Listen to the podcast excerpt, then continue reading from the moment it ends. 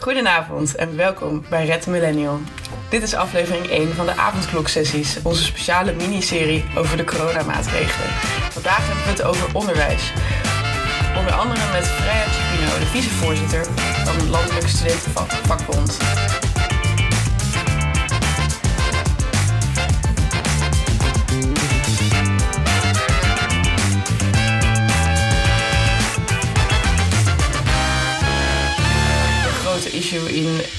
Het hoger onderwijs is dat het allemaal via internet moet. Dus geheel volgens het thema zitten Bouke en ik vandaag niet in de studio, maar gewoon in onze respectieve huisjes. Bouke woont in Enschede en ik woon in Utrecht. Eh, dat wil ik ook nog even gezegd hebben voor alle mensen die ons altijd Amsterdamse kak vinden. dat zijn we dus niet. ja, ik kom wel uit Amsterdam. Uh, Bouke, welkom. Dank je. Het voelt wel anders, hè? Zo. Ja, nee, inderdaad. Ik voel, voel, meestal als we aan het opnemen zijn, dan zit ik bij Bouke op schoot namelijk. Ja. Dus het is allemaal heel uh, kil nu. Dan hangt er zo'n fysieke spanning in de lucht, die is nu weg. hey, maar uh, we gaan het hebben over onderwijs. Maar de vorige aflevering eindigden we met een, een oproep die voor ons gevoel misschien een beetje in de, in de leegte werd gegooid. Want je hebt eigenlijk nooit een idee of er een respons gaat komen als je daarom vraagt. Maar wij vroegen jullie, deel met ons wat je zou willen delen rondom uh, corona. Iets wat je niet hebt durven zeggen of waar meer aandacht voor moet komen. En uh, wij willen even zeggen dat we echt superveel reacties hebben gekregen. Uh, Tot mijn grote schrik. Meer dan 50. Zo. Wat ten eerste betekent dat Char binnenkort voor ons gaat zingen. Toch? Ja, ergens in de avondkloksessies. Maar dat, ik zie nog wel hoe ik hier onderuit gekomen. Ja, nou gezellig. En ten tweede willen we gewoon even zeggen... Tenminste, ik kreeg er zoveel energie van dat we al de reacties kregen. Ik weet niet hoe het met jou zit, maar... Je Ja, maakt zo'n podcast, je stuurt het de ether in... en dat er dan opeens zoveel terugkomt. En dat je een soort van... Ja, ik weet niet. Dat, dat, dat geeft gewoon heel veel energie. Dus dat was heel erg leuk. Maar goed, de mensen hebben meegedacht. Wat, uh, wat ben jij zo al tegengekomen? Op de gram zegt bijvoorbeeld... Uh, uh, Hanna zegt dat ze continu koppijn heeft van alles op een scherm te doen. Dat ze dat het vervelendst vond het afgelopen jaar. Um, en bijvoorbeeld theezakje zegt niet dingen spontaan kunnen doen. Emma zegt elkaar niet mogen aanraken als je single bent en alleen woont. Maar ook veel dingen over gebrek aan perspectief. Dus ja, veel inderdaad de, de, de, de reacties die, die wij zelf ook al een beetje hadden en die we hadden verwacht. Ja, we hadden ook uh, een, een mailtje gekregen dat, ik op, dat heel thematisch uh, aansluit bij vandaag. Mhm. Mm -hmm. Over uh, van Sabrina, die um, een flinke bak geld kwijt is eigenlijk aan dit studiejaar. Mhm. Mm -hmm. En zij vat het probleem als volgt samen. Ze zegt wat ik uiteindelijk onder de aandacht wil brengen is dit. Iedere student krijgt vertraging. Het idee dat studenten in hun eerste of tweede jaar de achterstand wel inhalen is bijna achterbaks. De meeste studies zijn voltijds. Moeten we dan meer dan voltijd werken? Dan krijg je dus nog meer burn-outs onder jongeren, nog meer vertragingen. Terwijl we zo ons best doen om alles zo goed mogelijk te doen.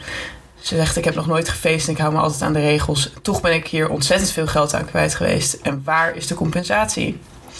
Dat is wel flink activistisch. Dankjewel Sabrina. Ja, goede mail. Goed punt. Uh, we hadden ook een, een, mail van Vera en die heeft ons een spraakmemo gestuurd. Um, en Vera is, is, dirigent en die kan dus letterlijk niet meer uh, haar, haar studie doen. Want je mag niet meer in de praktijk dingen doen. Maar daar kunnen we nu dus even naar gaan luisteren. Hey, podcast Red de Millennial.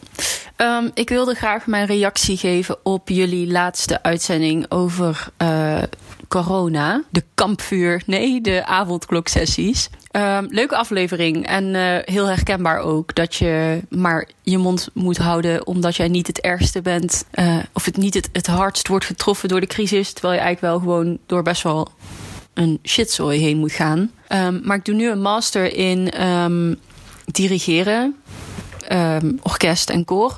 Alleen daar zit ik een beetje mee in de knoop. Want ik doe dus eigenlijk al... Nou, ik studeer het al anderhalf jaar. Ik zou eigenlijk in juni afstuderen. Maar dat heb ik sowieso uitgesteld. Omdat ik nu eigenlijk al een jaar met een studie bezig ben... waarbij um, ik gewoon niet mijn vak in de praktijk kan brengen. Want ik kan gewoon niet met groepen werken. Of dat nou zangers of instrumenten zijn. Want het mag allemaal niet. Um, dus ja, corona zit mijn studie echt mega erg in de weg. En ik ben al een jaar een beetje zo aan het aankloten kloten van... ja, thuis maar wat oefeningen proberen te doen of eh, een beetje aanmodderen. Maar ik heb eigenlijk nu net sinds het nieuwe jaar heb ik een beslissing genomen om die studie gewoon echt maar even op een lager pitje te zetten. Ehm, dus ja, dat is best wel stom eigenlijk. Dat biedt wel een stukje perspectief, want ik, had helemaal, ik zat alleen maar te klagen over hoofdpijn van schermen en uh, alles thuis moeten doen. Maar er zijn natuurlijk ook dingen die je gewoon helemaal niet vanuit huis kunt doen. We gaan dus hebben over onderwijs. Uh, maar met vrijdag gaan we het vooral hebben over hoger onderwijs en de universiteit. En het leek mij uh, goed om ook nog even kort stil te staan bij andere scholen. bijvoorbeeld bij de basisscholen, die weer open gaan binnenkort. Um, waarbij Waarom denk je dat dat is? Ja, ik, ik zie daar heel erg in hoe het beleid van de regering heel erg is ingericht op uh, gezinnetjes. En dat het vooral gaat om dat de volwassen mensen weer aan het werk kunnen. En dat uh, er wat van hun lasten worden verlicht. Doordat ze hun kinderen weer naar school kunnen doen. Maar het gaat er helemaal niet om dat het voor die kinderen ook fijn is. Snap je wat ik bedoel? Ja, ik snap wat je bedoelt. Hoewel het zal wel prettig zijn voor de kinderen ook. Maar ik, ik, wat het met ons dan weer te maken heeft, is dat ik denk dat, dat studenten dat net zo hard nodig hebben als, als, als minderjarigen. Ja.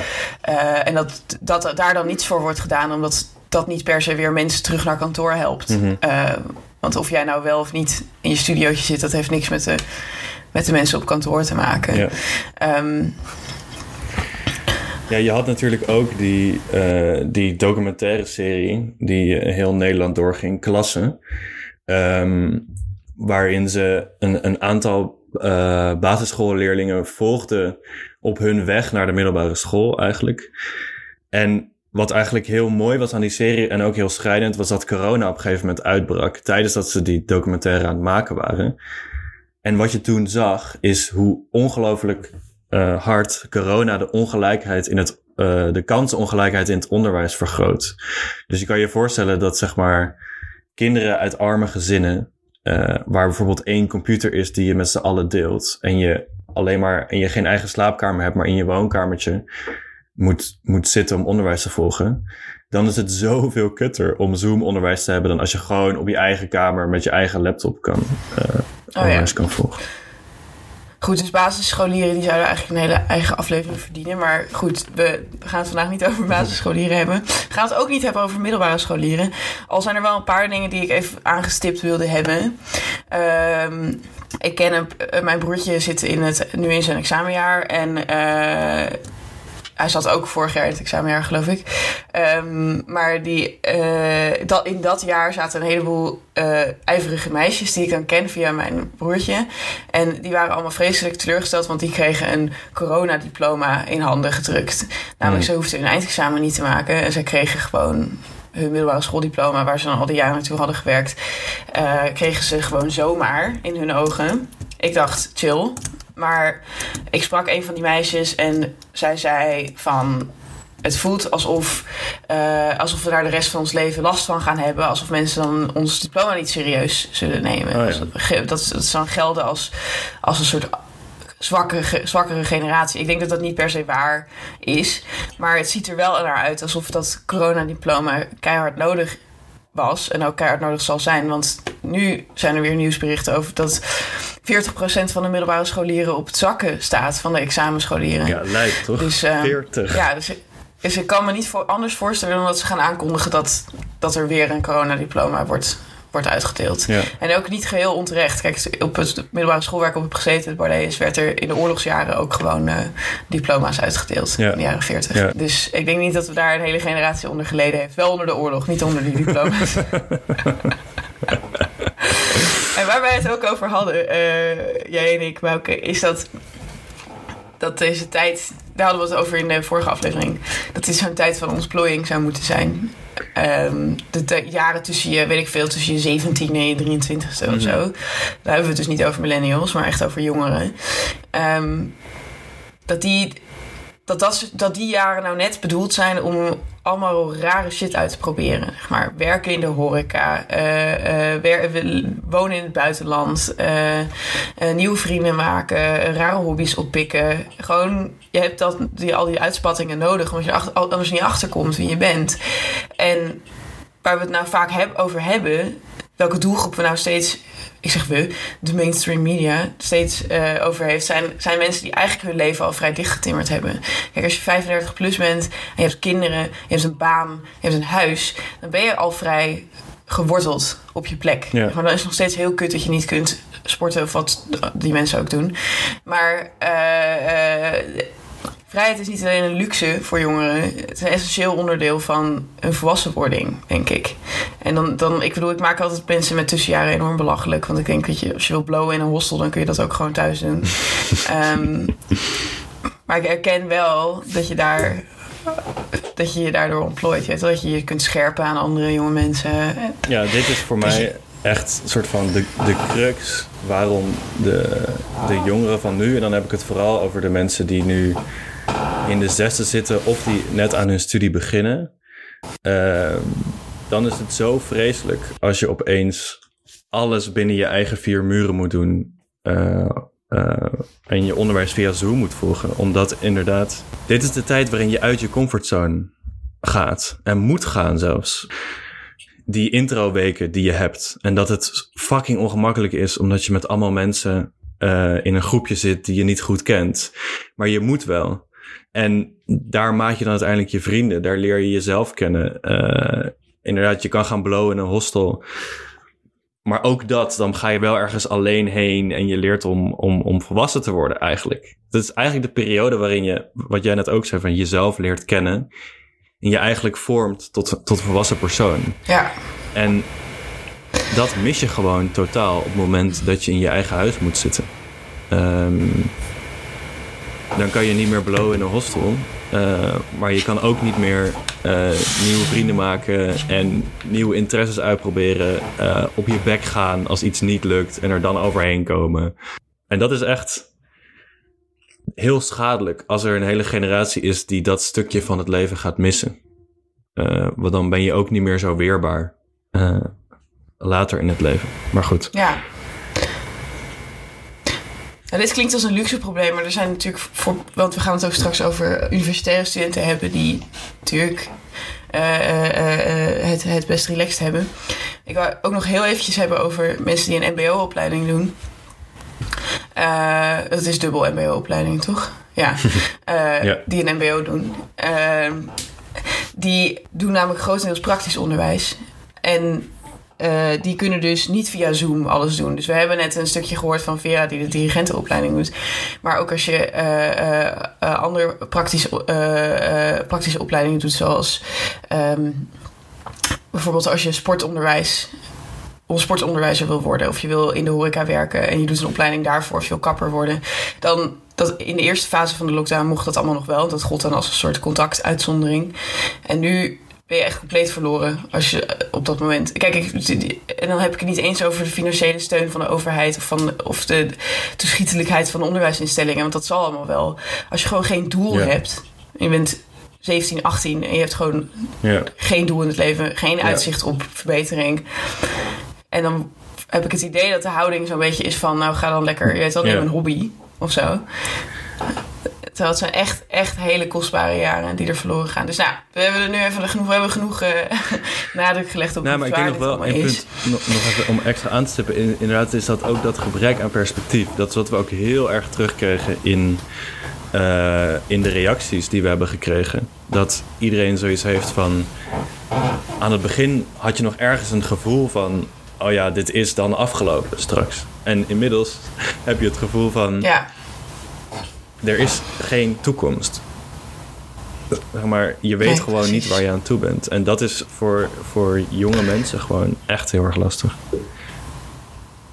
Nou, en ik, ik heb ook het idee dat daar serieus in de berichtgeving vanuit het kabinet vrij weinig over het, het demissionaire kabinet bedoel ik, eh, vrij weinig over wordt eh, gezegd. Want in de persconferenties hebben we het veel over de avondklok. Dat is Ja. een hele ingrijpende maatregel. Eh, dus logisch dat daar het over gaat. Maar waar het ook heel erg over gaat, heet het, is ondernemers en winkels. En wanneer gaan de winkels weer open? En op welke manier mogen de winkels weer open? En eh, op welke manier mogen ze steun aanvragen? Dat soort dingen. En er wordt eh, ook aan ouders wordt heel veel perspectief geboden de hele tijd. Van we gaan er alles aan doen om, om de basisscholen weer open te krijgen. En op termijn de middelbare scholen. En je hoort gewoon nooit wat van we gaan proberen de universiteiten langzaam Nee. weer open te Ja. gooien. Zelfs van mijn universiteit krijg ik, ik krijg na, van mijn universiteit in Utrecht krijg ik een mail elke keer als er een persco is geweest met wat zijn nu eh, onze doelen op basis van het perspectief dat het Mhm. kabinet ons heeft geboden. En het is nu al maanden, is het elke keer dezelfde mail. Namelijk, er Ja. verandert niets voor ons.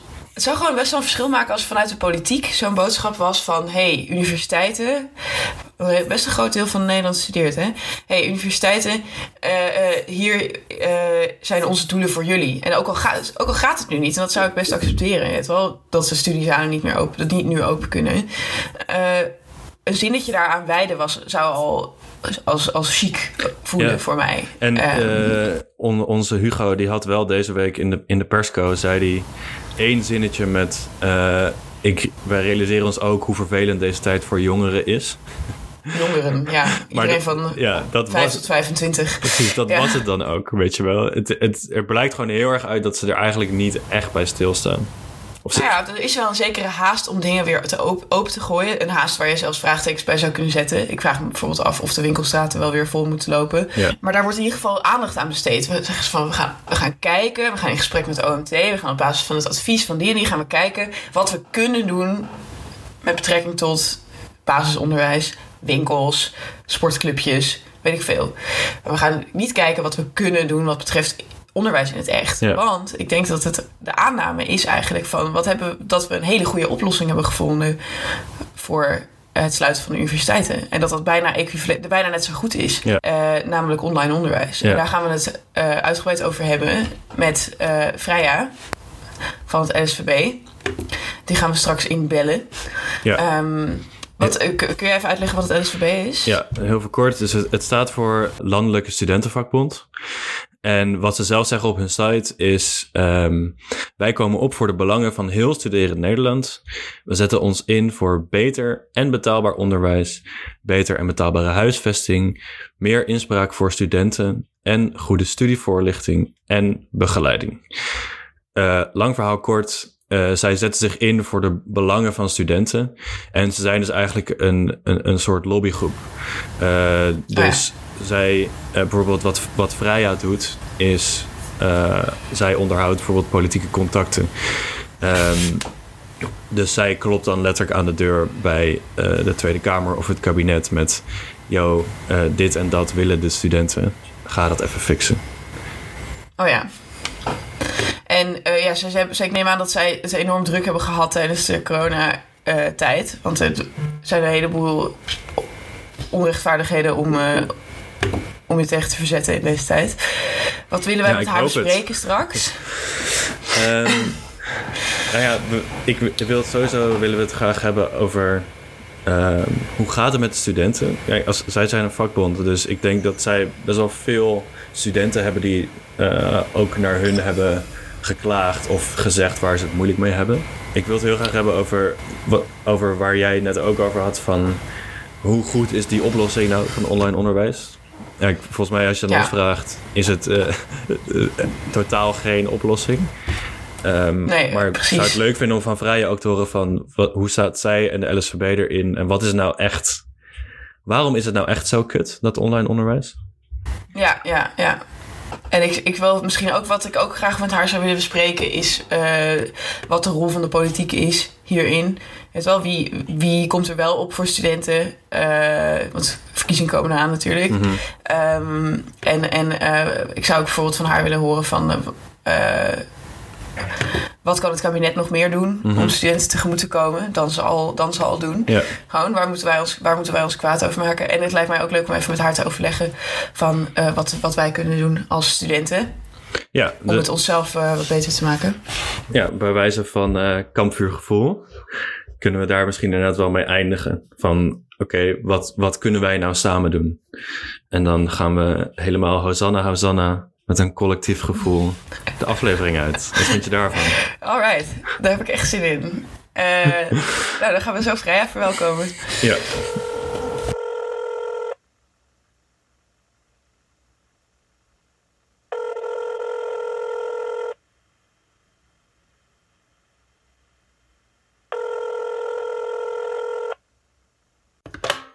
Nou, nu zitten we alle drie klaar. We heten officieel Freya welkom. Welkom Freya.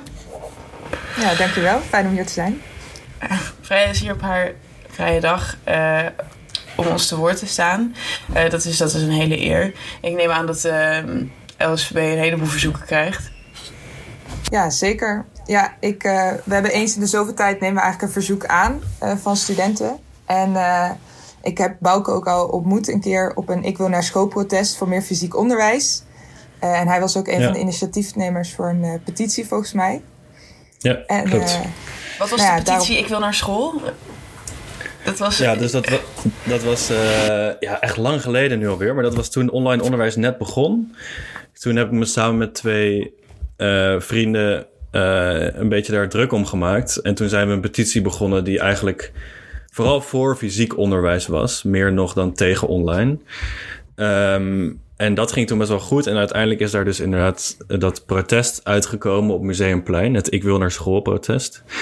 Um, eigenlijk heel grappig dat uh, studenten uh, gaan, gaan strijden om wel naar college te mogen. Terwijl je toch misschien vaker andersom zou horen. Ik vind het heel hard verwarmend uh, eigenlijk. Ja, super lief. Um, en nou, Freya was toen een van de, van de sprekers op het protest. En um, ik vond dat, dat je dat echt super goed deed. Met heel veel passie. En daarom dacht ik ook meteen toen we hier een aflevering over gingen maken van... Jou moeten we hebben. Um, nou, je zit bij de LSVB en je bent daar uh, vicevoorzitter. We hebben net al even kort uitgelegd aan onze luisteraars wat de LSVB precies doet. Um, maar vroeg ons af, wat doe jij dan precies binnen de LSVB? Ja, goede vraag. Um, eigenlijk best wel veel ook. maar mijn voornaamste taak als uh, vicevoorzitter is dat ik me bezig hou met politieke contacten. Dat betekent dat ik eigenlijk op dagelijkse, soms wekelijkse basis met uh, Kamerleden die zich bezighouden met hoger onderwijs contact heb. Uh, en eigenlijk als er bepaalde dingen spelen en wij krijgen dat mee uh, vanuit onze lidbonden van studenten die wij spreken. Uh, en er zijn dingen die gewoon niet goed gaan op landelijk niveau. En het is belangrijk dat er dingen aan het beleid worden gedaan. Of dat de Kamer gewoon goed geïnformeerd is wat er nou daadwerkelijk gebeurt. Uh, dan ben ik eigenlijk de schakel tussen studeren in Nederland en de politiek. Ah. En ja, dus dat is echt heel gaaf. En daarnaast ben ik ook verantwoordelijk voor zes medewerkers, twee teams en één individuele medewerker ben verantwoordelijk voor alles wat wij doen in aanloop naar de verkiezingen toe. Um, ik hou me bezig met uh, medezeggenschap, ook met een inhoudelijk onderwerp, macrodoelmatigheid.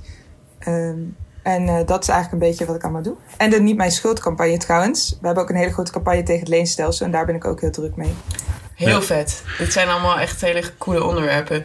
En ik denk dat jij dus ook de aangewezen persoon bent om met ons dit gesprek te voeren. Ik denk dat de belangrijkste, of de eerste vraag die ik jou wil stellen, oh, aangezien jij een vinger aan de pols hebt, uh, is hoe gaat het met studenten in Nederland? Hoe houden ze zich onder de coronacrisis? Um, nou ja, het is natuurlijk wel uh, studenten zijn echt een enorme groep. Dus het is ook een heel uh, verschillend beeld wat we eigenlijk zien. Uh, maar we zien eigenlijk wel dat het overgrootste deel dat het gewoon niet heel goed gaat. En dat heeft vooral met uh, mentale druk te maken en met heel veel stress. Ook wat online onderwijs met zich meebrengt. Maar ook het verliezen van hun bijbaan bijvoorbeeld. Ja. Um, en uh, dat is eigenlijk het grootste deel wat wij zien. Maar je hebt bijvoorbeeld ook studenten. studenten die chronisch ziek zijn bijvoorbeeld. bijvoorbeeld chronische vermoeidheid. Die nu ineens wel onderwijs kunnen volgen. En die heel lang hmm. hebben gepleit voor digitaal onderwijs waar dat eigenlijk eerst niet kon. En nu blijkt dat ineens toch te kunnen, waardoor juist ook weer een groep studenten wel onderwijs kan krijgen. Dus het is, daarin zie je ook alweer dat er hele ja, verschillende kanten natuurlijk aan het verhaal zijn. Maar goed, eigenlijk zijn de overgrootste uh, meldingen die we krijgen toch wel uh, heel veel stress. Uh, studenten die het onderwijskwaliteit gewoon ja, op een andere manier ervaren. Dat kennen jullie waarschijnlijk ook wel. Ja, precies. En ook, ja. En heel en hoe zit het dan, uh, wel, ja, eenzaamheid. Ik wou net vragen inderdaad, hoe zit, het nou met die, hoe zit het nou met die eenzaamheid? Krijgen jullie daar meldingen over binnen? Of hoe, hoe weten jullie dat het mentaal slecht gaat met de studenten? Ja, we krijgen er heel veel uh, meldingen over binnen. Ook vaak uh, als we met studenten spreken via bijvoorbeeld dus die Niet Mijn Schuldcampagne of evenementen die we hebben of via onze lidbonden merken we gewoon dat heel veel studenten ja, zich toch op een bepaalde manier wel opsluiten. Dat verschilt natuurlijk ook wel weer erg. Je hebt ook wel studenten die elkaar wel wat meer opzoeken en toch op een uh, ja, buiten studie, zou ik zeggen, sociaal contact zoeken. Maar er zijn ook heel veel studenten die gewoon ook echt bang zijn voor corona en ook voor hun naasten, die zich daarom gewoon heel erg op zichzelf houden. We merken gewoon heel erg dat het ook wel ja, lastig is eigenlijk, omdat deze verhalen horen we meestal via mensen waarvan vrienden of iets dergelijks het helemaal niet goed mee gaat. Uh, en heel soms, uh, nou heel soms best wel vaak nog wel eigenlijk in verhouding, maar krijgen we dan berichten dus van echt studenten naar bijvoorbeeld onze studentenlijn of ja, op dat soort kanalen krijgen we dus dan wel berichten. Maar we merken toch dat die studenten waarmee het echt niet goed gaat, dat is toch wat lastiger om zelf uh, aan de bel te trekken. Oh ja, dat kan ik me hmm. heel goed voorstellen. En dus jullie horen vooral via via over de eenzaamheid van studenten. Dus de, ja. Dus, ja. Maar dat maakt het eigenlijk nog, nog wel iets triester. Ja, super schrijnend. hey, maar uh, hoe zit het met, hoe zit het met uh, die schulden? Want jullie houden jullie ook bezig met, uh, met het leenstelsel. En Bouke en ik dachten van... oké, okay, als, als de bijbanen komen weg te vallen... en er is geen ondernemerssteun of iets dergelijks... voor studenten natuurlijk, want het zijn ondernemers... Heeft dat effect op de studieschulden? Lopen die nu hoog op? Zeker als mensen vertraging oplopen, lijkt mij dat een probleem. Ja, je zag in het begin van de crisis dat, uh, dat er ook heel erg werd opgeroepen door de politiek om meer te gaan lenen, waar wij eigenlijk heel boos om werden. Uh, maar goed, wij vonden dat het dan toch meer compensatie moest zijn in plaats van dat studenten nog meer studieschuld moeten opbouwen. Oh ja. Uh, maar dat is, mijn, dat is onze kritiek daarop. Dat vond ik echt, daar zijn we heel boos om geweest ook. echt belachelijk, maar goed. Ja, maar ehm, lekker boos hoor. Dat is, wij, ja. horen dat graag. Um, maar goed, het, het is gewoon heel raar. Dat zou ik zeggen, allemaal mensen, eh, ondernemers, mensen in de horeca. Of, er zijn zoveel steunpakketten geweest.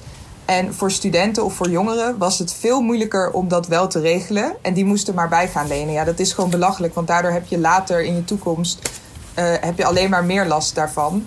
Uh, dus daar zijn, wij gewoon, ja, daar zijn we gewoon niet tevreden mee. Maar wat je nu heel erg ziet, is dat um, bij alle leningen in totaal valt het dus wel mee hoe erger extra is bijgeleend. Maar wat je daar dan hm. weer tegenover staat, is dat heel veel studenten weer thuis zijn gaan wonen.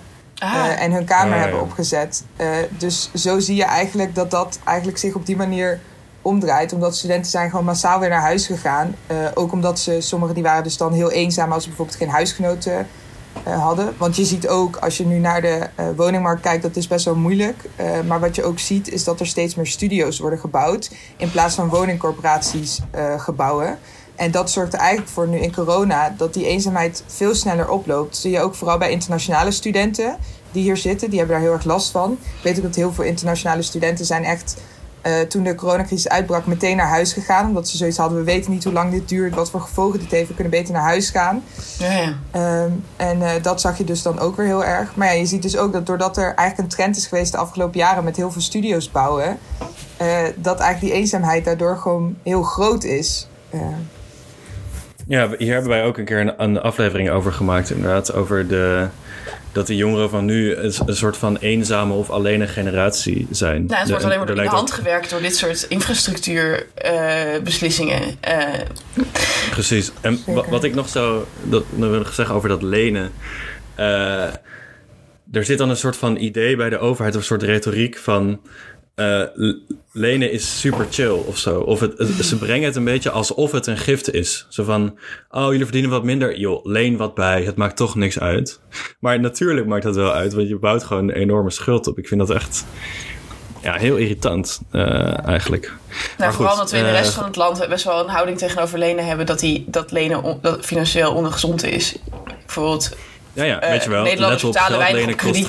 Ja, ik bedoel, we werken voor, in Nederland vooral met, met eh, bankpasjes die niet op krediet gaan, dat soort dingen. Dus het is, er is gewoon wel de, lenen zo min mogelijk, behalve als je een student bent. Dus dat is, een, dat is altijd een, ja. Eh, gekke houding, vind ik. En ik had dan nog één vraag. Heel scheef. Uh, uh, hoe zit het oh, met, ja. de, met de resultaten? Uh, ik merk dat bijvoorbeeld mijn docenten, ik doe een hele kleinschalige masters, die zijn vrij meegaand. En ik heb het idee dat zij elke mail beginnen met van nou in deze moeilijke tijden ga ik niet al te streng nakijken, weet ik veel wat. Maar dat zal vast wel niet gelden voor de iets concretere opleidingen dan comparative literary studies. Nee, ja, wat, we daar, uh, wat daar best wel moeilijk aan is, is dat uh, de universiteiten deze cijfers hebben. En je hebt dus een koepelorganisatie ook van de Vereniging van Nederlandse Universiteiten. En uh, ook over studievertraging. We hebben daar op een gegeven moment een presentatie van gehad, maar daar, uh, daar doen ze gewoon heel vertrouwelijk over. Um, dus ze delen heel weinig met ons ook. Uh, en ze zeggen dat er de hele tijd niks, al, niks nog bekend is en dat het heel moeilijk is om te zien. En nou ja, ze doen daar een beetje lastig over. Dus dat baart ons ook wel zorgen, want wij horen gewoon van studenten dat ze lagere cijfers halen, dat ze vakken laten vallen, dat ze vertraging oplopen. Um, maar de cijfers daarvan moeten dus uit die instelling komen. En nou ja, wat ik zelf een beetje het idee heb, maar misschien klopt dat helemaal niet hoor. Uh, ik, uh, dat is gewoon mijn onderbuikgevoel. En misschien is dat helemaal slecht. En ze worden ook waarschijnlijk heel boos op mij als ik dit hier zo zitten zeg. maar goed, dat maakt niet zoveel uit. Maar wat mijn onderbuikgevoel een beetje is. Kijk, die instellingen zijn gewoon heel hard aan het werk. En ook die docenten. En op het mm. moment dat er studievertraging is of dat de resultaten lager is, dan krijg je ook heel snel dat mensen gaan spreken over een coronadiploma, dat dat minder waard is en dat het onderwijs misschien toch echt van een mindere kwaliteit is.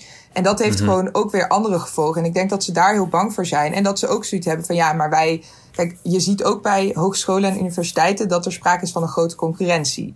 En mm. uh, op het moment, uh, en dat is ook de afgelopen jaren heel erg gestegen, ook door het rendementsdenken, wat je steeds meer terugziet in het hoger onderwijs.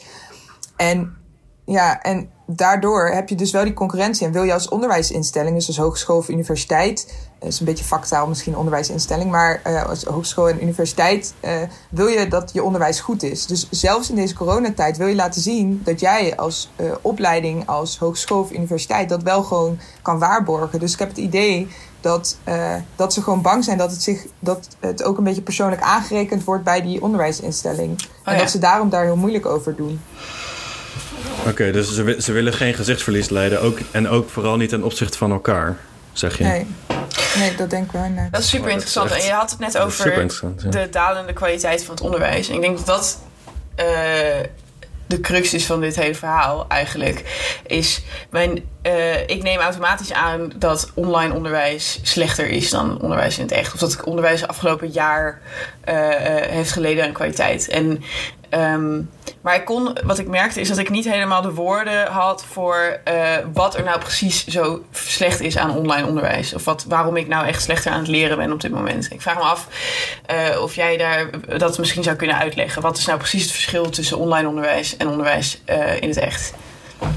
Ja, er zijn natuurlijk enorm veel dingen die daarbij meespelen. Allereerst, als je alleen maar in je eigen huis bent of niet veel kamers hebt waarin je kan wisselen, dat zorg gewoon voor ja, die bepaalde isolatie. En je merkt toch wel dat de mens gewoon in het algemeen, ook natuurlijk uh, niet-studenten, het gewoon nodig hebben om naar een andere plek te gaan. Ook om dingen af te sluiten. Dus uh, dat heb ik ook met werk. Ik werk ook nu best wel vaak thuis. Ik ben nu ook thuis. En ik heb ook maar een studentenkamer van 12 vierkante meter. Wel mijn eigen badkamer, dus dat is heel chill. Maar dat is ook niet heel veel. Ja, dankjewel. maar, maar dat betekent wel, dat is ook heel klein, snap je? En ik kan mijn werk ook niet goed afsluiten. En dat is met studeren natuurlijk ook zo. Je blijft in een soort oneindige ja, een oneindigheid blijven eigenlijk als student. En je moet de hele tijd studeren. En de, de grens tussen studeren en je vrije tijd, die, die vervaagt ook heel, voor heel veel mensen. Je hebt enorme structuur nodig om goed dat onderwijs te kunnen volgen. En ik denk dat mm-hmm. uh, daar, daarvoor heb je eigenlijk ook zieke discipline nodig, zou ik maar zeggen. Als je echt dat onderwijs een beetje oké okay wil volgen, om van deze tijd studeer ik en dan ga ik weer iets chills doen, dat is gewoon heel moeilijk thuis. En je merkt natuurlijk dat die sociale interactie, die is gewoon helemaal weg. Uh, en, nu, wat, het verschilt ook heel erg per opleiding, per mens natuurlijk, hoe ze online zijn in een college. Maar ja, we horen ook ja. wel vaak dat heel veel studenten gewoon net wakker zijn, in bed liggen en dan college gaan volgen. Nou, dan ben je natuurlijk veel minder actief. Dan ben je nog half aan het slapen, je let gewoon niet zo goed op. Terwijl normaal zit je in een collegezaal en dan kan je veel beter opletten. En je hebt natuurlijk normaal dan in de collegezaal ga je ook een beetje met elkaar er soms nog over praten. Of heb je van die discussies in een werkgroep. En nu heb je echt hele knullige discussies. Soms niet eens een discussie. En moet de docent superveel uit die studenten trekken. Omdat het gewoon toch moeilijker is op een bepaalde manier om online dan iets te zeggen. En heel veel studenten die al moeite hebben uh, met van zich laten horen of uh, een antwoord geven op een bepaalde vraag, hebben dat online nog meer. En die hebben eigenlijk nog minder de behoefte, of dat horen wij over terug en zien we ook heel veel terug, om iets eigenlijk van zich te laten horen. Omdat je dan meteen in de picture bent. En ook mensen die ja, gevoelig zijn voor nou ja, depressieve klachten, die gaan natuurlijk veel sneller in een hol ook. Terwijl normaal heb je andere studenten die, ja, die je gewoon ziet en die een bepaalde sfeer met zich meebrengen. Ik denk, want dat herkent denk ik iedereen wel. Als je iemand gewoon in het echt ziet, dan heb je ook die uitstraling en dan heb je echt meer die connectie. Ik bedoel, ik, ik denk als ik jullie in het echt zou zien, dat ik waarschijnlijk ook meer een band met jullie zou voelen op een bepaalde manier. dan dat ik dat nu heb. Nee, nou dat mis ik nog echt het meest. Is, ik, heb, ik, ik volg naar mijn idee best een zware opleiding. En ik mis gewoon het moment dat de docent iets ingewikkelds vertelt. En dat ik dan oogcontact kan zoeken met iemand in de kamer van... Snap jij dit? Uh, of je weet al, of dat je gewoon zo'n grapje kunt maken van... Ook oh, ik heb de readings pas net gedaan. Een gevoel van solidariteit. We gaan hier samen voor. Een soort piratengevoel van... Oh, we zitten allemaal samen in dit schuitje. Ja, ik denk wat er snel wordt vergeten is, is hoe belangrijk dat informele altijd is. Mhm. Zeg maar, er wordt soort van vanuit gegaan van... Oké, je hebt onderwijs, dat is een formele aangelegenheid. en dat heeft ook heel erg te maken, denk ik, met waar je het eerder over had... dat rendementsdenken wat erin zit. Oké, dat kunnen we gewoon kopiëren naar Zoom, want dan kunnen we nog steeds informatie in mensen stoppen. Dus eh, er is geen verschil. Maar het verschil is natuurlijk inderdaad precies die dingen van elkaar even aankijken als je niet begrijpt. Uh, in de pauze naar de koffieautomaat lopen. En dan dat het super awkward is omdat je iemand niet zo goed kent. Maar dat je dan toch maar even gaat praten en dan misschien wel nieuwe vrienden maakt. Uh, onderwijs is zoveel meer dan gewoon informatie opnemen. Ja, dat is zeker. Ehm, Wat je ook heel erg ziet is, kijk, jij ziet bij heel veel hogescholen en universiteiten is het online niet altijd goed geregeld. Dan heb je een, echt een informatieoverload. En als jij dan een mhm. artikel moet zoeken, bij wijze van spreken, of iets anders normaal heb je zanger inderdaad op het moment waar jij het net over hebt, dat je even naar het koffieautomaat loopt. Ook vooral bij eerstejaars, maar ook, ook echt wel bij tweede en derdejaars. Dat moet je ook echt niet onderschatten. Ik denk heel veel aandacht is natuurlijk ook naar de eerstejaars geweest. Dat is heel belangrijk ook. Maar je hebt ook de ouderejaars die hier last van hebben. Maar dat je dan met elkaar naar koffieautomaat loopt en dat je eigenlijk helemaal niet weet waar dat artikel stond, omdat je die online omgeving vet vaag vindt, weet ik veel. Maar dat soort kleine dingetjes, dat kan je helemaal niet vragen nu. En dat is echt moeilijk. En heel veel mensen voelen ook een drempel om dingen te vragen, omdat ze zich dan dom voelen of het idee hebben dat ze iets fout doen. Dus dat, dat is echt, dat er gebeurt zoveel. En niemand die durft dat ook echt te zeggen. Want je schaamt je voor jezelf omdat je iets niet snapt. En dat wil je niet. Dus, want je bent toch volwassen, weet je wel? Nou, dat... Ja, ja, ja. ja. ja en, en als, je, als je de ruimte hebt om... Als je de ruimte hebt om dat gewoon inderdaad even tussen, neus en lippen door in de pauze aan elkaar te vragen. Zeg maar, in zo'n Zoom zit je ook meteen zo, boom, met z'n allen. De docent is er meestal bij. Er is geen enkel moment meer om dat soort dingen te zeggen. Um, maar het, het hint ook een beetje op wat je zei van die online omgevingen zijn gewoon vaak best wel kut ingericht.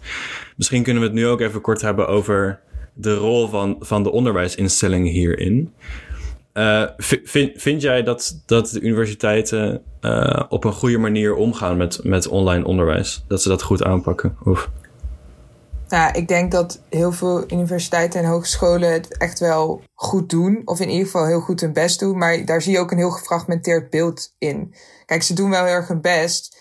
Maar ja, die mensen die zanger voor docenten ook. Het is voor docenten echt super zwaar dat ze ineens helemaal op een andere manier onderwijs moeten geven. Vooral voor oudere docenten. Die zijn het helemaal niet gewend. Die moeten ineens digitaal een soort interactie gaan krijgen. Terwijl ze die programma's heel lastig vinden. En je ziet wel dat dat steeds beter gaat. Maar goed, dat verschilt ook dus heel erg per opleiding eigenlijk. En per docent die je hebt. Want sommige docenten hebben daar toch meer ruimte voor. En die hebben misschien wat handiger, zijn wat handiger in digitale dingen. Waardoor het dus ook beter gaat. En dat is wel echt heel moeilijk. Want die onderwijsinstellingen zijn al bezig met al die studenten uh, onderwijs proberen te geven. En ze proberen in ieder geval ook wel echt uh, die studenten in de gaten te houden. Maar dat is ook heel lastig. En daarnaast moeten ze eigenlijk al hun docenten opnieuw opleiden hoe je digitaal onderwijs geeft. En daar is gewoon helemaal geen ruimte voor, want ze moeten continu door. Het is echt een race tegen de klok. En die docenten hebben ook niet veel tijd per se om op adem te komen, om te zorgen dat het heel goed gaat. Dus het is echt, ja, het is gewoon een hele lastige situatie. En ik heb ook echt wel, ik vind dat de instellingen echt wel soms meer kunnen doen. Uh, als je bijvoorbeeld kijkt naar het BSA dit jaar, de hogescholen, vorig jaar is het BSA versoepeld. Dat betekent dat je dus niet het BSA hoeft te halen uh, in je eerste studiejaar en dat je die vakken dan in het tweede kon doen. Dat en dit is jaar, binnen het studieadvies, toch? Sorry even. Binnen het studieadvies, ja, ja nee, heel goed. um, daar uh, zijn wij sowieso niet zo'n fan van. Um, wij vinden eigenlijk dat dat afgeschaft zou moeten worden of dat de B eruit gehaald moet worden. Want je ziet nu ook dat studenten gewoon weggestuurd kunnen worden.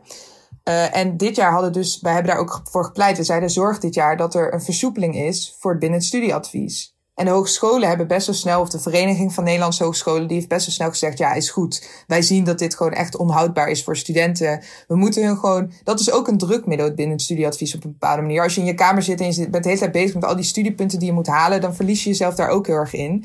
Die hogescholen hadden dus gezegd: nou ja, oké, we gaan het versoepelen.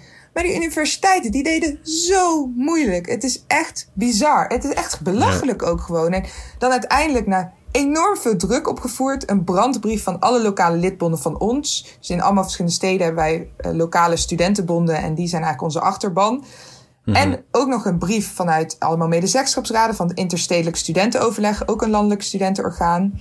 En dan ook nog vanuit Groningen, van een van onze lokale lidbonden, de Groningse Studentenvakbond, 500 verhalen verzameld over eerstejaars studenten die het gewoon helemaal niet goed trokken.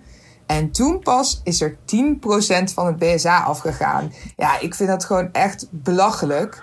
En het ja. ergste is ook nog. Sorry, ik moet even mijn frustratie uitmerken. Maar ja, het ergste gooi het eruit. Ja. ook nog. Er is dus een motie aangenomen dit jaar. Die eigenlijk heeft gezegd. De B moet uit het binnen studieadvies. En de overheid moet hier gaan, mee gaan praten. Uh, met de onderwijsinstellingen. Met de universiteiten mm. en hogescholen dus. En volgens mij willen de universiteiten het BSA dit jaar niet uh, afschaffen of versoepelen, omdat ze bang zijn dat, er, dat je eigenlijk ziet dat het niet zoveel uitmaakt, dat BSA. Dus dat eigenlijk nog steeds dezelfde studenten doorgaan. Wat voor ons een argument zou zijn van ja, zie je wel, hou die binnen de, hou die binnen de factor gewoon weg. Dus wij hebben heel erg het idee dat het een politieke kwestie is voor die besturen van onderwijsinstellingen, waarom ze dat niet generiek willen uitstellen. En dat is echt, nou, dat is gewoon enorm kwalijk, vind ik. Oh ja, dat is wel interessante uh, intrige. En ik, wat ik ook zag op, uh, op jullie uh, webpagina is dat jullie heel erg hebben ingezet tegen de online surveillance en de, en, en de proctoring van tentamens. En ik, ik sorry, dat is weer een heel ander onderwerp, maar dat houdt ons ook erg bezig altijd. De invloed ja. van technologie op het studentenleven. Um, ja, en dat heeft denk ik wel, dat heeft natuurlijk ook heel erg met die druk te maken, denk ik. Ja, resultaatgericht ja. je onderwijs inrichten. Ik vroeg me af van wat is jullie bezwaar tegen proctoring? Waarom, waarom willen jullie dat afschaffen?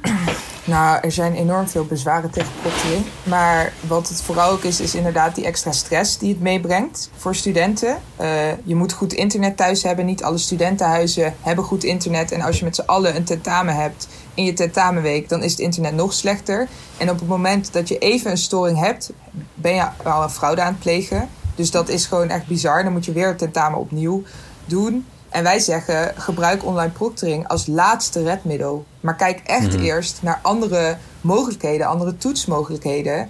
Hoe je uh, online wat? kan toetsen. Nou ja, je hebt ook heel vaak natuurlijk meer essayvormen vormen toetsen of een soort open boektoets. Waarin iemand misschien wel meer leert op een bepaalde manier. Omdat je niet alleen maar met die feitjes bezig bent, maar echt verdiepend uh, zo'n boek in moet gaan. Um, en dat soort toetsvormen, zou ik maar zeggen. En verzin even iets anders of een bepaalde mondeling, als dat bij kleine opleidingen kan. Uh, weet ik veel wat. Uh, er zijn echt wel andere opleidingen. En er zijn dus ook, uh, nu moet ik het heel goed uit mijn hoofd zeggen, maar er zijn in ieder geval Avans Hogeschool. Die heeft gezegd, we gaan dit absoluut niet gebruiken. En die hebben dus online toetsvormen. Ik weet uit mijn hoofd niet wat het allemaal is. Maar dus er is een hogeschool die kan dat gewoon.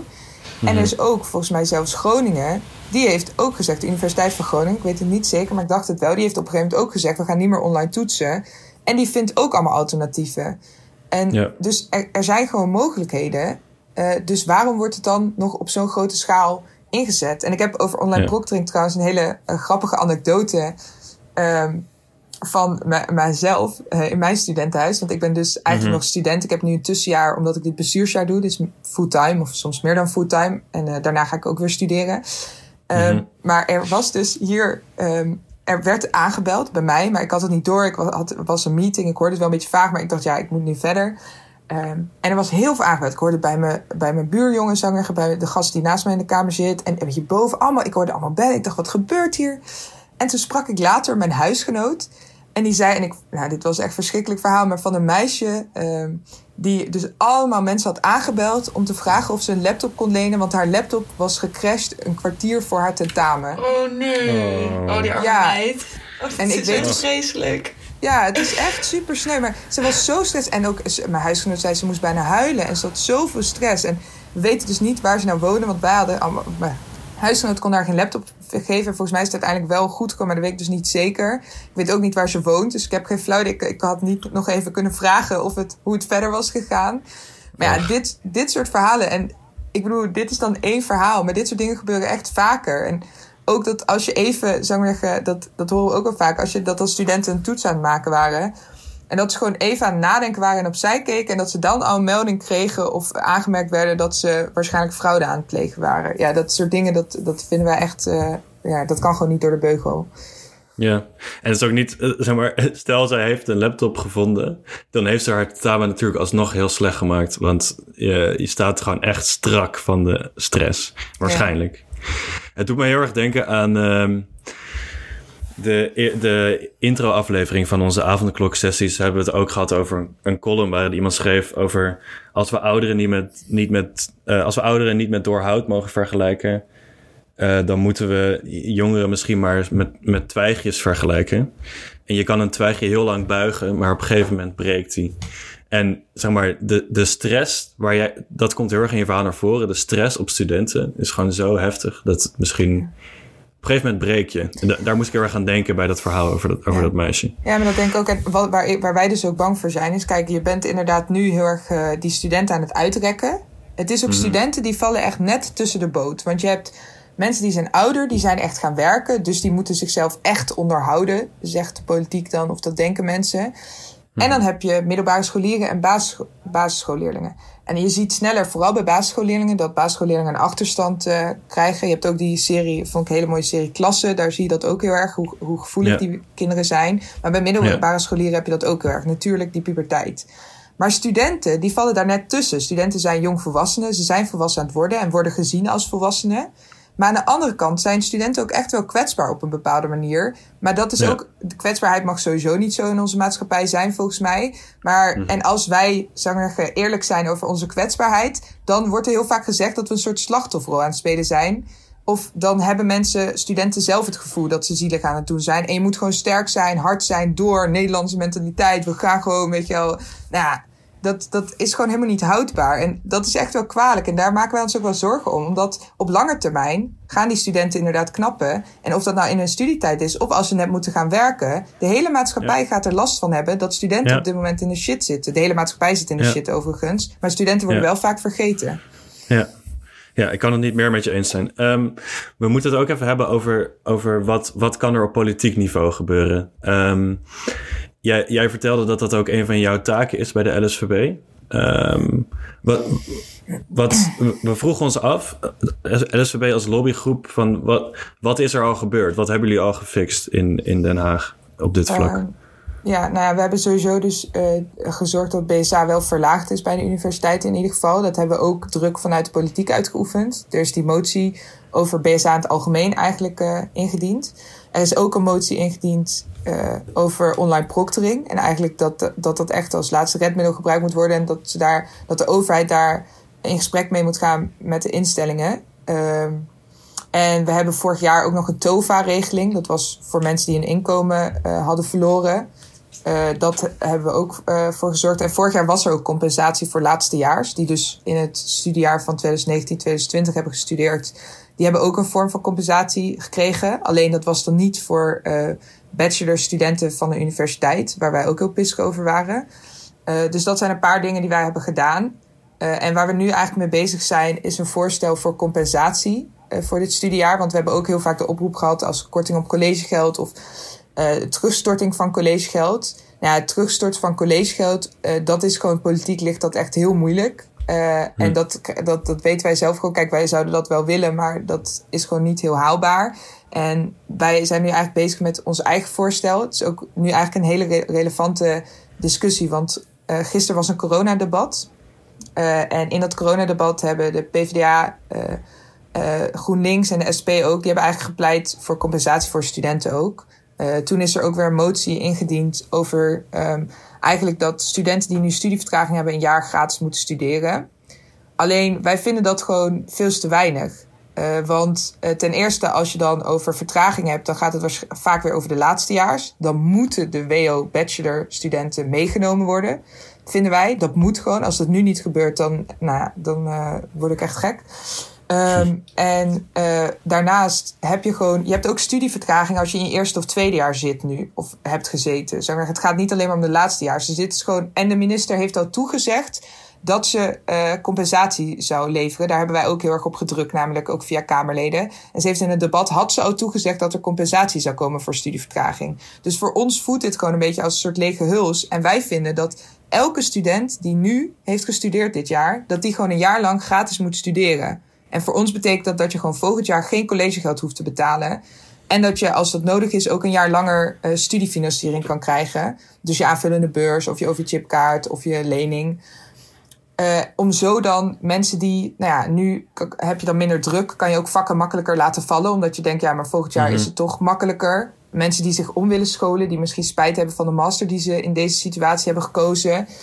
Uh, de, het inkomensverlies heb je op een bepaalde manier dan ook nog uh, een beetje gedekt. En dit is ook dit ligt politiek iets makkelijker. Dat zie je dus al gisteren. Was ons ja. voorstel eigenlijk een jaar lang gratis studeren. Wilden wij volgende week lanceren. Gaan we nog steeds doen. Maar er was dus gisteren ineens in het debat was dat er al. Terwijl we echt nog niet met zoveel Kamerleden hierover hadden gesproken. Dus dat was wel vet om te zien dat het meteen zo opgepakt wordt.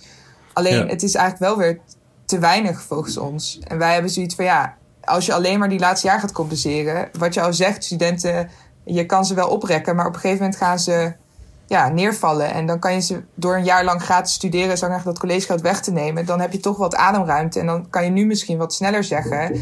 Oké, laat die vakken maar zitten. Want wij zien ook nu studenten, dat is ook een grote groep. En dat is die stress heel erg. Maar die werken dus gewoon echt hard door. En die hebben zoiets, ik wil geen vertraging. Want dan moet ik een jaar langer lenen. Of dan moet ik weer collegegeld betalen. En straks is het maar voor een paar vakken en dan heeft het allemaal gewoon geen zin. En die zitten zichzelf gewoon helemaal uit te melken, om zo maar te zeggen. En alle laatste energie de hele tijd uit te halen. En dan in het weekend weer bijkomen.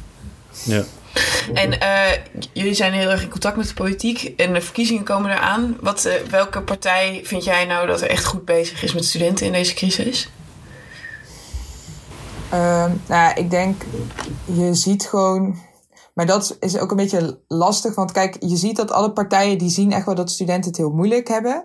Alleen wat je ziet is dat als het om geld gaat en um, studenten en jongeren, dat je dan toch meer bijvoorbeeld de, bij de PvdA of uh, D66 ook wel een beetje en ook wel GroenLinks heel erg. Die zijn wel echt, en SP trouwens, dat zijn partijen en dat is dan toch weer meer op het linker spectrum. Maar die gewoon heel erg uh, wat makkelijk of wat liever willen dat studenten compensatie krijgen of dat er echt wat voor ze gebeurt.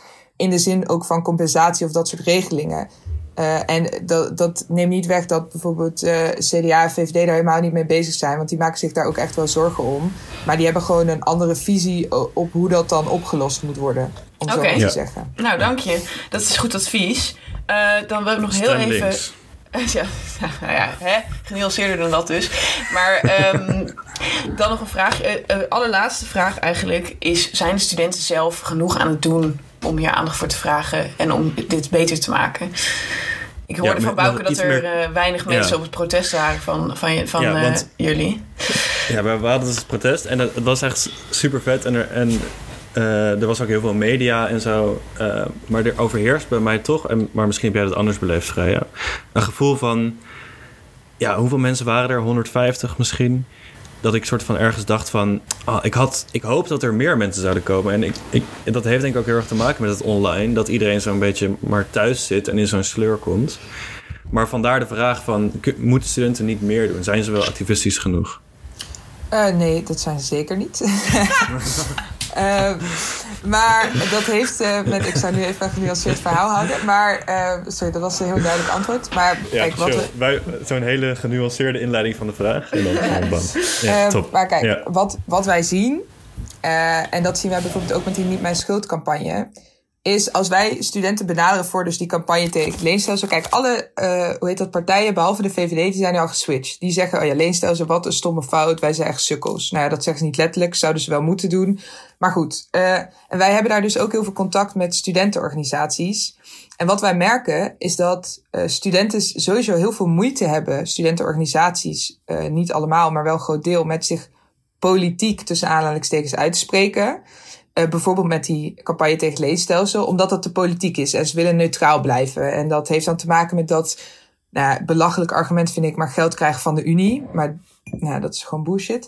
Uh, maar goed, maar en dat soort dingen krijg je dan. Um, en dat is dus al, dat is iets wat je dus nu heel erg ziet bij de huidige studentenpopulatie. Dat ze het dus heel moeilijk vinden om zich uh, ergens echt hard voor te maken. Omdat het dan snel politiek wordt. En dat willen ze dan niet, terwijl alles politiek is. Ook je niet uitspreken, zou ik zeggen. Maar goed. Mhm. Ja. Ehm, Goed punt, en- ja. Ehm, maar daarnaast, wat je dus ook ziet, wat, wat heel lastig ook weer eraan is, is dat is dus een heel groot probleem. En ik heb ook, zou ik zeggen, daarom ben ik heel blij dat ik deze functie heb, omdat ik hoop dat in al het werk wat ik doe en alle studenten die ik spreek, en eh, ik weet ook van mezelf dat ik, omdat ik, ik ben gewoon heel gepassioneerd over het hoger onderwijs en over eh, ook wel voor je eigen rechten opkomen, is dat ik hoop dat ik mensen ook door mijn functie, omdat ik natuurlijk in de studentenwereld zeggen, best wel een grote functie heb. Dat ik ook studenten kan laten zien dat het wel belangrijk is om voor jezelf op te laten komen. Dat je wel in actie moet komen. En dat je echt kritisch mag zijn. Want Mhm. wat je ook gewoon ziet, is dat die instellingsbesturen, die zijn gewoon heel machtig. Die hebben al jarenlang doen ze dat werk. En die manipuleren studenten echt wel een beetje. En dat doen ze niet expres, altijd. Misschien soms wel, weet ik niet. Maar dat gebeurt wel. En naast dus dat niet politiek uitspreken, heb je ook nog het feit dat ik denk dat eh, studenten zich makkelijker, of jongeren zich makkelijker voor grotere thema's uitspreken dan voor zichzelf. En dat zie je Hmm. ook bij bijvoorbeeld, als je kijkt naar klimaatdemonstraties, eh, Black Lives Matters, daar waren ook heel veel jongeren, ook heel veel studenten. Maar dat is op een of andere manier een wat breder maatschappelijk thema. En dat is makkelijker, ja, op een of andere manier makkelijker om daarheen te gaan dan als je voor het onderwijs op de bres gaat. Wat ik zelf niet, nou, niet helemaal snap, omdat ik dat zelf dus juist meer voor het onderwijs misschien doe dan op dit moment daarvoor, omdat dat is natuurlijk ook mijn werk. Maar als het dan om jezelf gaat als student, dan is dat ineens veel moeilijker. En ik denk dat dat weer te maken heeft met het feit dat wij. Kijk, wij zijn de generatie die het voor de eerste keer slechter heeft eh, dan de generatie voor ons. Maar onze ouders hebben het heel goed gehad. En onze Mhm. generatie heeft altijd meegekregen dat wij het in Nederland gewoon heel goed hebben. Eh, en dat het allemaal gewoon prima is. En dat eigenlijk dat wij niet zo mogen zeuren. Want het is toch allemaal heel goed. Kijk naar alle jaren die hiervoor zijn geweest en hoe goed het allemaal is geweest. Nou ja, ik denk dat dat er ook wel mee te maken heeft dat studenten het lastiger vinden om voor zichzelf op te komen. Omdat je mag, ja, we hebben het toch allemaal zo goed. Eh, en eh, dat, ja, dan voelen die studenten denk ik niet echt een drang om daar iets aan te doen. En daarnaast is ook nog het feit dat ze dan niet politiek willen uitspreken. Eh, ik denk dat die samenhang, dat dat er gewoon voor zorgt dat heel veel studenten eh, ja, daar moeite mee hebben. Maar ik Ja. wil wel zeggen over het ik wil naar schoolprotest. Dat er waren natuurlijk wel, we hebben het wel veranderd uiteindelijk. Waardoor alleen maar mensen uit Amsterdam waren. In plaats Ja, van ja. ook meer. Nee. Dus er waren wel nog heel veel studentjes, studentjes, studenten met bordjes. ik wilde bordjes zeggen, studenten, dat ging helemaal mis. Maar er waren nog wel veel studenten met borden eh, met eh, de hoeveelheid studenten uit welke stad. Klopt. Nee, maar- dat is helemaal dus- waar. Dat is helemaal Dus waar. dat vind ik wel een belangrijke toevoeging nog daar. Nee, maar dit is echt een hele goede, opzwepende boodschap. En Ja. ik denk dat je Ik echt... voel me hyped. Nou ja, je slaat echt de spijker op zijn kop eh, wat betreft die bescheidenheid om op te komen voor studentenproblematiek. Mhm. Dus we hopen dat dit eh, heeft bijgedragen aan, aan een zeker paper in iedereen's reet. Ehm, en ik wil je daar ook heel hartelijk voor bedanken, Freya, dat je met ons hierover hebt gepraat. Je weet echt ziek veel. Dat is, ik bedoel, dat is fijn, want het is je werk. maar, daar, maar daar hebben wij heel veel aan. Ehm, Ja. Heel erg bedankt voor het komen. Inderdaad, Ah, heel erg oké. bedankt. En eh, ik weet niet hoe het met jou zit, Char, maar in, mijn- in mijn reet zit nu een aardig dikke peper. Dus Ik weet niet, ik wil eigenlijk helemaal niet weten wat er allemaal in jouw reet zit, Bouke. oké. Ja, nou, als jullie ooit nog een eh peper in reet nodig hebben, dan eh, bel me maar. Dan eh, zou ik die peper komen brengen. nice. Leuk. Nee, heel erg bedankt. Geen probleem.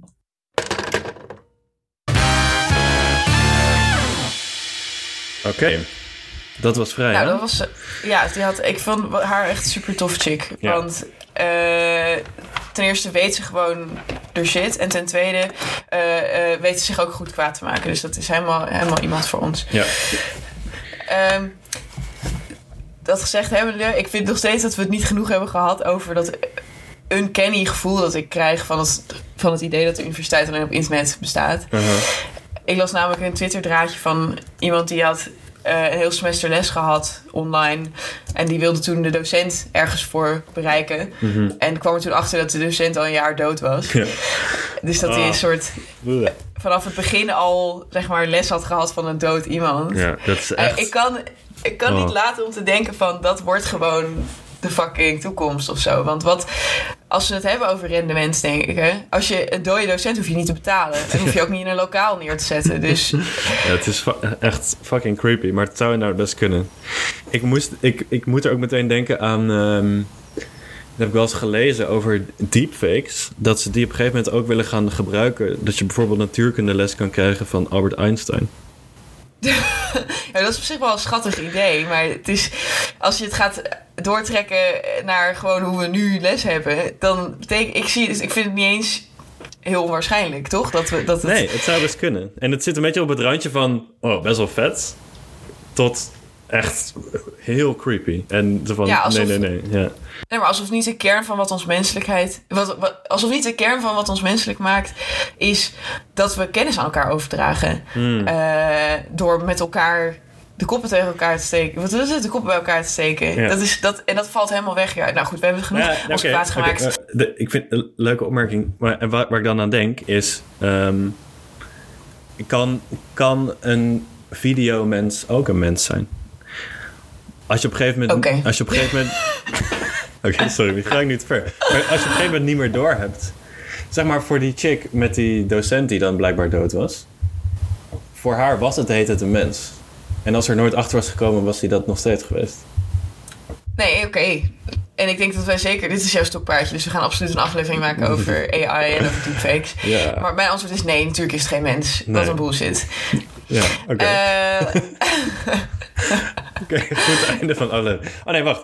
We, laten we nog eventjes, ehm, tenzij je nog meer toekomstbeelden eh, hebt. Maar misschien Nee, moeten we even naar ons eh millennium moment.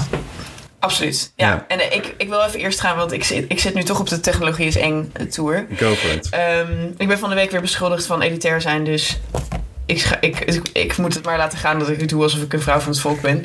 ik, eh, ik heb van mijn welvarende ouders heb ik voor mijn verjaardag AirPods Pro cadeau gekregen. Zo. Ja, Eh, die, mijn ouders zijn namelijk rijk en beroemd. Voor iedereen die het nog niet wist. Anyway, AirPods Pro. Dat zijn eh, die dingen van Apple.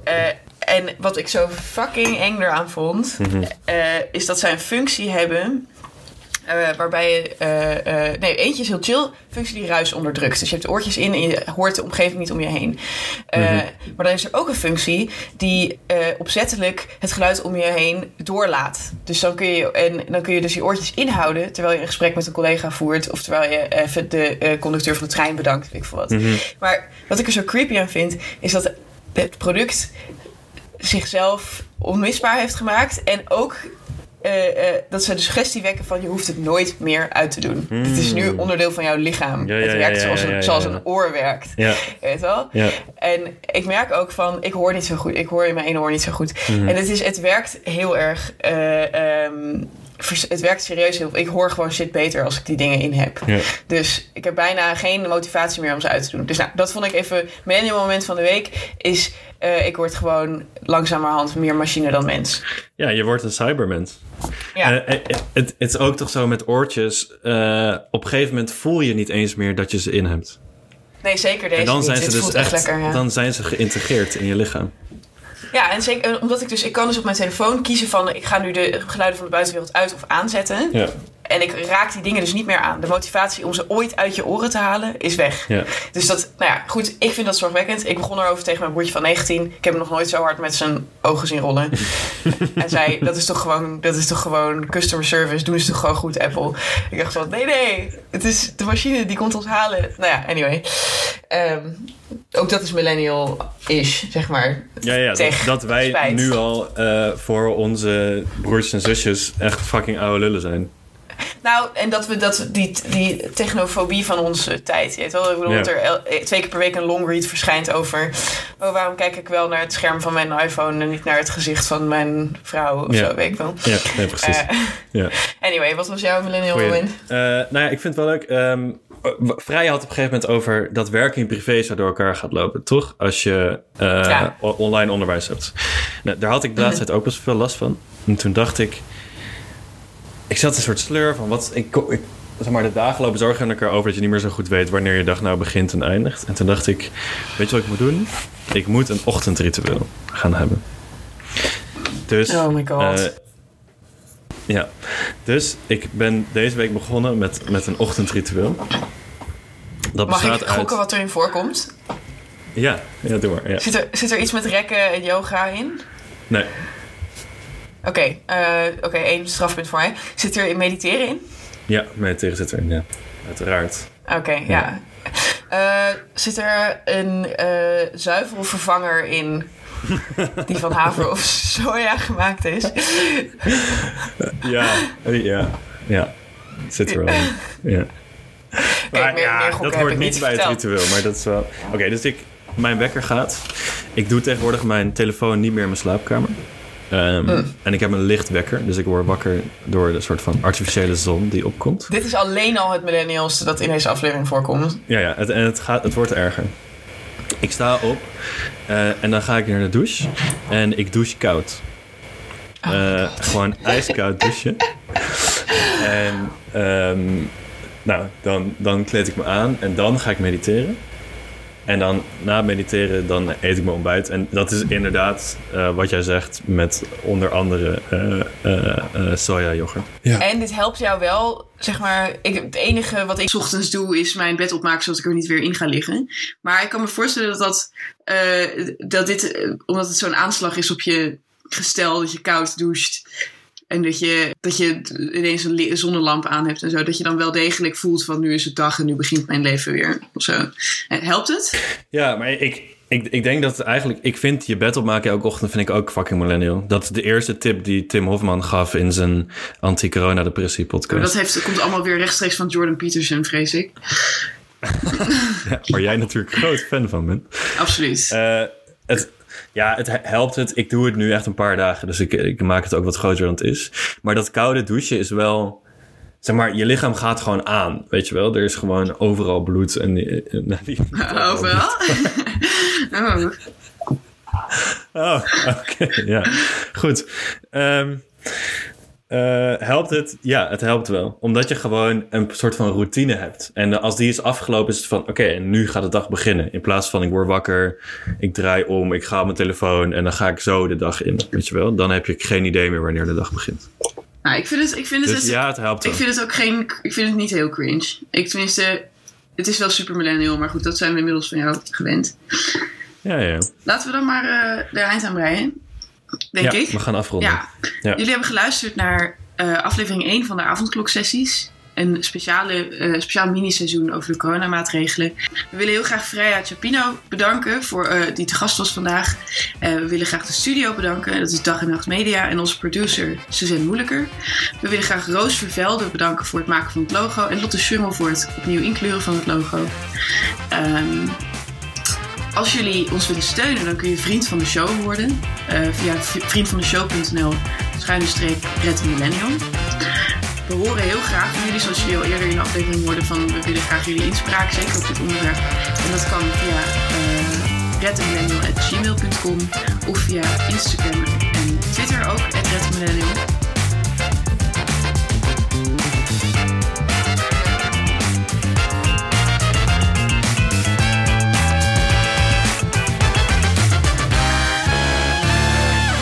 Dat is hem toch? Ja, ik wacht nog een beetje tot jij gaat zingen, maar verder Zo, eh, is- was dit Ik denk dat ik toch als, als we 100 reacties krijgen. nee, het is goed. Ik ga in de laatste aflevering zingen. Ik moet nog even bedenken wat. eh, en, en, en, en, en wat ik kan trucken om het, om het niet te hoeven doen. Eh, Ja. Of dat misschien nog mee wil zingen. Eh, bedankt voor het luisteren. Nee, goed. Inderdaad, tot volgende week. En dan hebben we het over de economie Yes, volg met... Oh my god. Mag, ja, mogen we dat al zeggen? Ja, Oh ja, oké. Volgende week met Jort Kelder. Doeg! over de economie. Joe.